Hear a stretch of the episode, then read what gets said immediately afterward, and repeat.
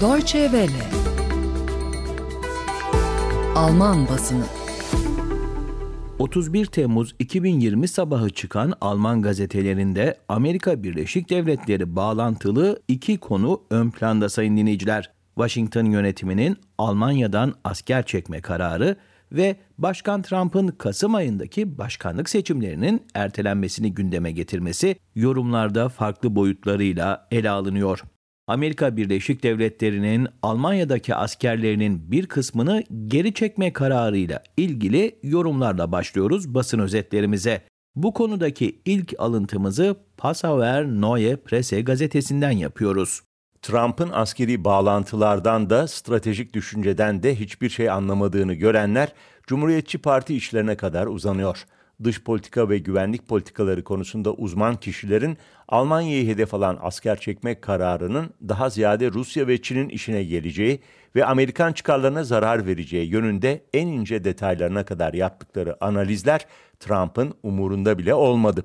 Almanya örneğinde Angela Merkel'a duyduğu dar kafalı nefret hakim geliyorsa uluslararası politika onu niye ilgilendirsin ki? Beyaz Saray'ın siyasi seviyesi Trump'la birlikte dibe vurmuş durumda.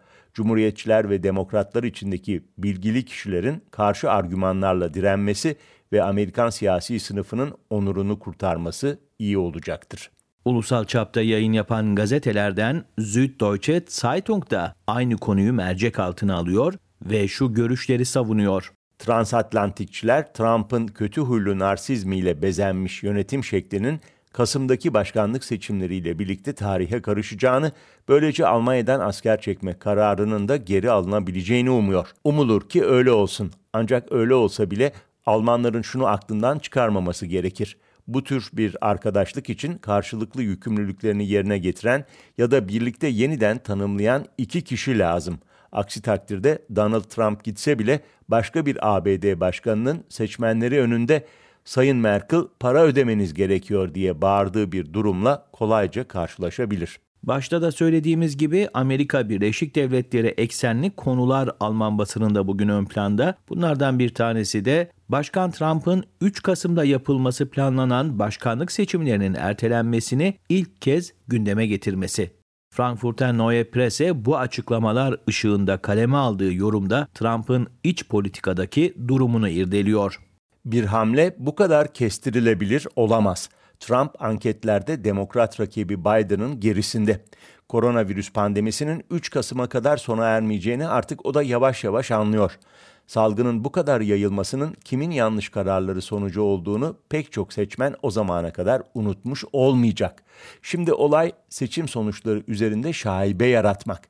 Sonuçta Amerikan Kongresi'nin seçim tarihinin ertelenmesine onay vermesi hiç olası değil. Hem ne zamana ertelenecek ki? 2021'e mi, 2022'ye mi? Tüm ABD vatandaşlarının koronavirüse karşı aşılanmış olduğu güne kadar mı? Ya da Trump'ın anketlerdeki durumu yeniden iyileşene kadar mı?